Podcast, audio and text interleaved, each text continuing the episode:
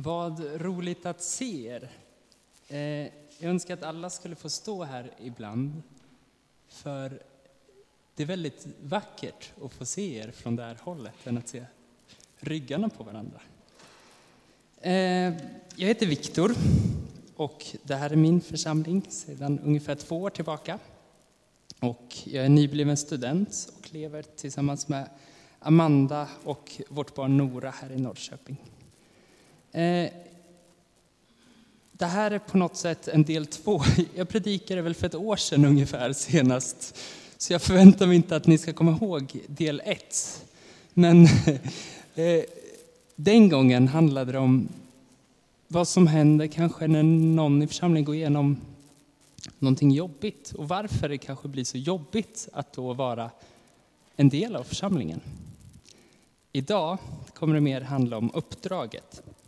När Anton, vår föreståndare för några veckor sedan, frågade mig om jag ville predika så fick jag välja ämne själv. Eh, och jag har funderat på församlingen. Församlingen som en familj. Vad betyder det? Gud beskrivs ofta i Bibeln som fader, som pappa. Och vi beskrivs som barn till Fadern. Så vi blir ju därför syskon till varandra. Församlingen blir ju då som en familj och vi troende är syskon därför att vi har samma pappa, samma ursprung som Guds barn. En annan bild är ju församlingen som Jesu kropp, där Jesus själv är huvudet och vi är hans händer och fötter. De som ska göra Jesu ord och undervisning till konkret handling i världen. Det är vi som är kallade att göra ordet till kött. Okej, okay, så vi är en familj och vi är en kropp. Men är vi ett? Är Korskyrkan i Norrköping ett vi? Det ska vi tillsammans tänka kring idag. Jag undrar också hur vi idag i Sverige, världens mest individualistiska land, ska kunna leva som en familj. Lita på varandra som en familj. Anförtro oss som en familj. Kalla varandra för syskon, inte bara som ett mantra, som ett begrepp, utan verkligen mena det. På Bibelns tid ses den enskilda individen som en del av en större helhet. Jag är en del av mitt folk, jag är en del av min släkt, jag är en del av min stam. Och familjen är ju större än det vi idag kallar för kärnfamilj. Det är hela släkten snarare. Och det är en av anledningarna till de många släkttavlorna i Bibeln. För att berätta vem personen i fråga är, dens identitet. Det är därför Bibeln ständigt återkommer till stamfäderna. Vem tillhör vilken stam? Vad har personen för socialt arv? Men familjen hade också ett ansvar för resurserna tillsammans. Jorden man ägde tillsammans som familj, marken skulle gå i arv och tas om hand om. Det var gemensamma ägodelar som gick vidare i generationer. Det är därför det i Bibeln finns lagar kring vad som händer om någon dör om vad släkten ska göra när någon blir så fattig att hen behöver sälja den ärvda jorden. Det är också därför det står om vad som händer med kvinnor och barn när mannen dör. För att försäkra sig om att alla kommer överleva. För vem är du utan en familj? Barnen som föds blir därför inte bara barn, utan också arvingar att egendomen får finnas kvar genom barnen var livsviktigt för familjens fortlevnad. Om man däremot var utan familj så fanns ingen säkerhet. Familjen var välfärdssystemet, tryggheten, försäkran på att man kommer klara sig.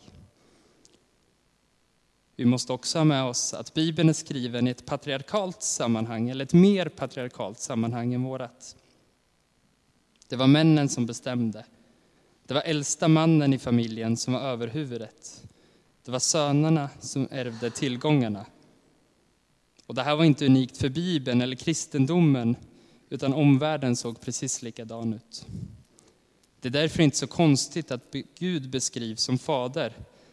och att det för mesta endast är bröder som skrivs ut i Bibeln. Men i Nya testamentet och när Jesus kom in i Bibeln så kan vi se en skillnad. Vi vet att Jesus var normbrytande i att han var nära vän med flera kvinnor. Att han anförtrodde dem och att i vissa sammanhang att han ens tilltalade kvinnor fast det inte passade sig. Och vi kan också se Jesus kärlek till barnen. Att han till och med använde barnen som föredömen. Barnen som annars mest var familjens ägodelar, som man med disciplin skulle uppfostra. Familjebegreppet är alltså inte bara en titel för relationerna, utan hade en livsviktig innebörd.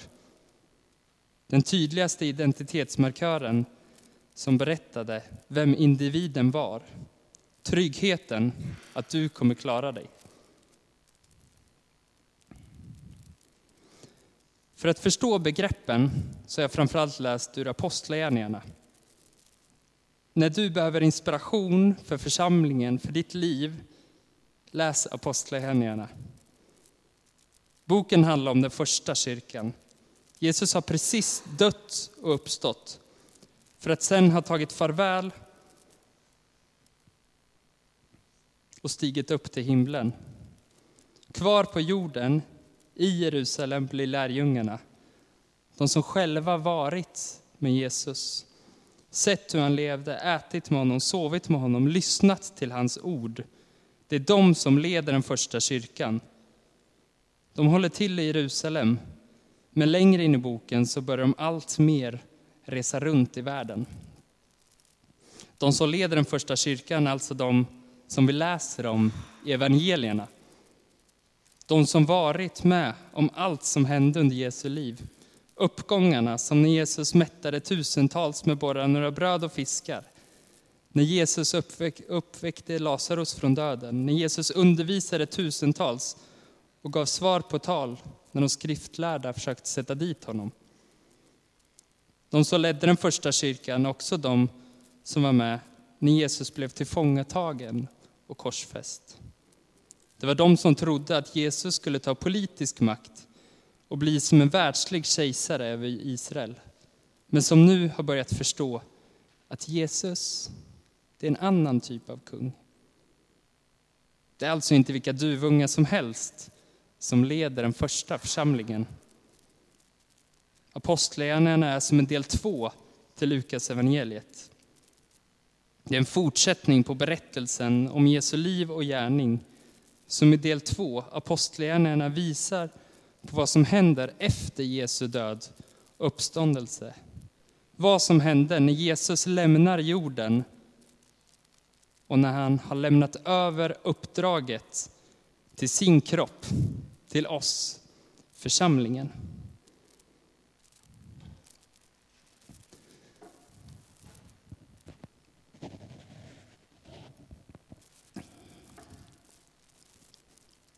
På bara en generation har de fått berätta om Jesus och spridit kyrkan överallt.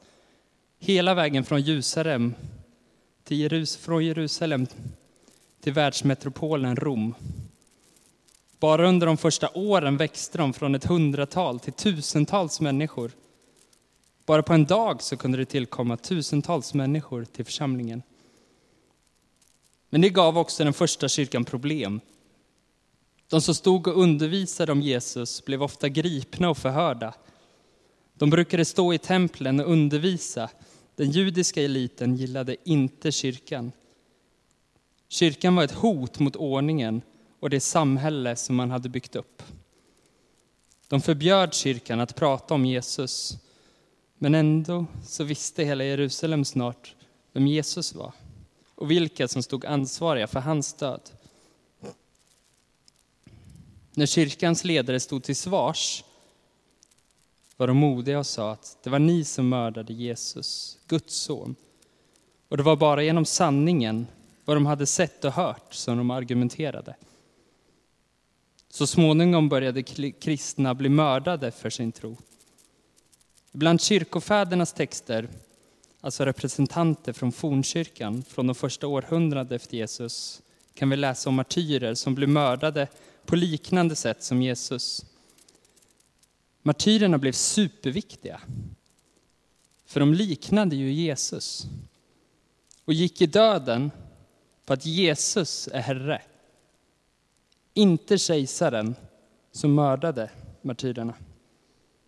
Det här drog till sig människor som undrade vad kan vara så viktigt att de är beredda att dö för trons skull. Deras liv blev vittnesbörd om att, om att kristendomen är större och viktigare än livet självt.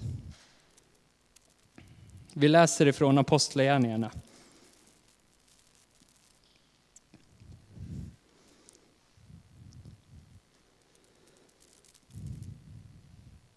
De sålde allt vad de ägde och hade och delade ut åt alla efter vars och ens behov. De höll samman och möttes varje dag troget i templet och i hemmen bröt de brödet och höll måltid med varandra i jublande uppriktig glädje. De prisade Gud och var omtyckta av hela folket. Och Herren lät var dag nya människor bli frälsta och förena sig med dem. Det här är alltså strax efter Jesus har försvunnit och församlingen har tagit över uppdraget som Jesus startade. Och det är kanske här vi börjar förstå mer om församlingen som en familj. Det här är en beskrivning av en familj. De delade på allt och gav var och en det hen behövde.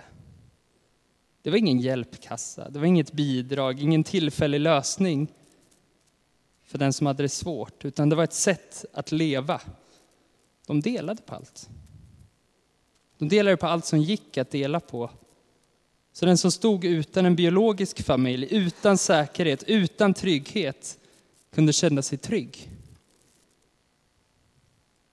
Att de som inte hade något arv, ingen inkomst, kunde få ingå i en ny familj som tog hand om dem, som de fick vara en del av. Och det var därför den första kyrkan bestod av så många ensamstående kvinnor utan möjlighet till försörjning. Att det var så många fattiga och utslagna. För här fick de en ny gemenskap, en trygghet och ett sammanhang. En familj, en möjlighet att överleva. Men det stannade inte där, utan det var tillsammans i både templet och i hemmen. De gjorde saker tillsammans inne i staden, i templet, men träffades också hemma hos varandra för att äta mat och dela vardagen ihop. Den som hade så det räckte och blev över delade med sig av sitt. För mitt är inte bara mitt, utan det är vårt. Den första kyrkan var inte bara en ny religion som hade en ny frälsare i Jesus, utan det var en ny värld som växte fram. Ett nytt sätt att leva på. Det var en motståndskraft mot det förtryck och de orättvisor och församlingen stod på den svaga sida.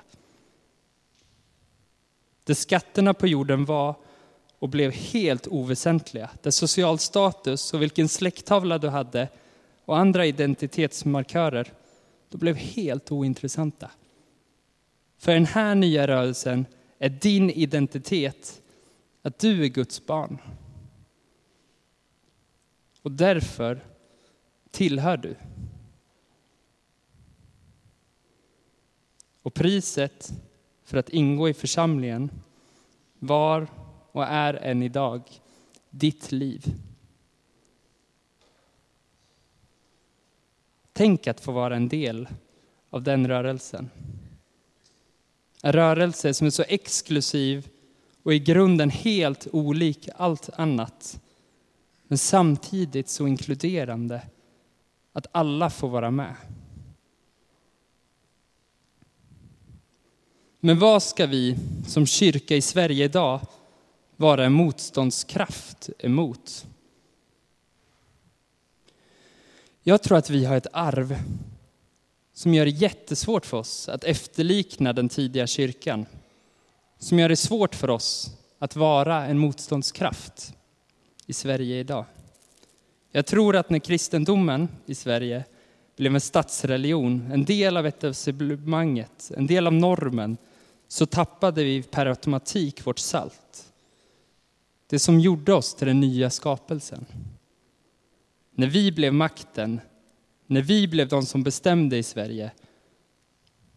För hur ska man vara både motståndskraften, saltet, ljuset och samtidigt ha makten och tillhöra etablissemanget? Nu 2019 är vi på väg mot en ny tid i Sverige. Där vi som kyrka blir mer marginaliserade och inte alls tillhör normen längre. Kyrkan är inte något som alla automatiskt och oreflekterat är med i, utan något som vi aktivt har valt. Och kanske kan vi då hitta en roll som mer påminner om den tidiga kyrkan. Den tidiga kyrkan bekämpade fattigdom och den politiska och religiösa makten. De stod för en ny ordning och för en ny typ av frälsare som inte ville ta makt genom våld och förtryck utan som växte underifrån genom att betjäna varandra. Jag tror att vi måste bekämpa kapitalism och individualism. De rikaste procenten i världen förbrukar allt större procent av jordens resurser. Och alla på jorden levde som vi lever i Sverige idag så skulle vi behöva fyra jordklot. Vi lever alltså på ett sätt som inte är rättvist. Där de fattigaste i världen får lida för vårt sätt att leva på. Vi köper mobiltelefoner, datorer och elektronik som innehåller krigsmetaller från Kongo där människor blir utsatta för krig, övergrepp och tortyr för att kunna tillverka våra prylar. Vi förgiftar haven och jorden genom maten vi äter och kläderna vi köper och hur vi reser. Vi lever i en global värld där våra handlingar påverkar människor och natur runt hela jorden. Därför måste vi ta ansvar för vårt handlande. Vi måste aktivt välja att leva på ett sätt som är rättvist och hållbart för alla.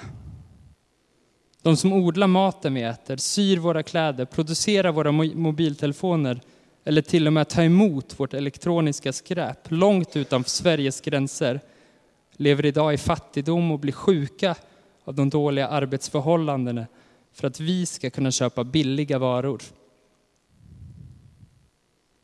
Där har vi på vår sida jorden ett ansvar. Vi har ett val. Jag tror att det går att göra val som är Kristuslika, som är värdiga Guds församling. Vi lever också i ett samhälle här i Norrköping där människor inte tycks ha ett lika värde. Där vi stänger ute de som inte har ett papper, stänger ute de som inte kan jobba eller bidra på samma sätt. Där rasismen och sexismen är stark. Där du som är uppväxt i fel område inte får samma möjligheter. Så varför ser det ut så i våra församlingar? Vart är de fattiga och utslagna som borde vara en del av vår församling? Vart är de som tigger på våra gator? Når vi de ensamma i Norrköping? Når vi de alkoholiserade? Når vi pundarna? Når vi ungdomarna som drar runt och bränner bilar? Vi som församling måste enas om vad vårt uppdrag är. Vad är vi en motståndskraft emot i en mörk värld? Det går inte att skilja på församlingens uppdrag och miljöarbete. Att arbeta för social och ekonomisk rättvisa. Precis som att det inte går att sära på församlingen och evangeliet om Jesu död och uppståndelse. Vårt uppdrag är konkret och det innesluter hela våra liv. Från källsortering till att berätta och döpa folk i Jesu namn. Det är precis samma uppdrag. Det kristna livet är inte ett tillägg till livet. Det är inte något du kan lägga på ditt övriga liv. Det bör förändra våra liv i grunden. Och det är det vi ska bjuda in till när vi tar emot nya människor i vår gemenskap. Ett helt nytt liv. Idag så delar vi som församling en tro. En tro som är stark och fin och sann på alla sätt. Men för de flesta av oss, för mig, är det en ganska enkel tro. Det är inte på liv och död att tro på Jesus i Sverige idag. Räcker det för att vi ska förenas som församling, som en familj? Räcker vår relativt enkla tro för att förena oss på riktigt? Jag tror inte det.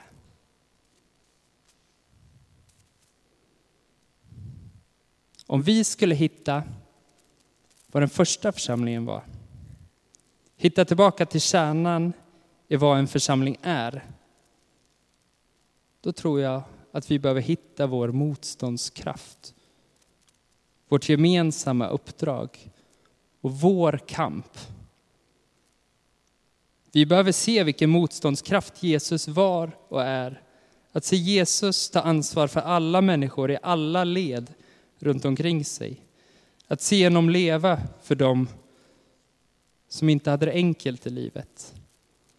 När vi hittar Jesus kärna och gör den till vår gemensamma kärna, det är först då vi kan leva som den tidiga församlingen.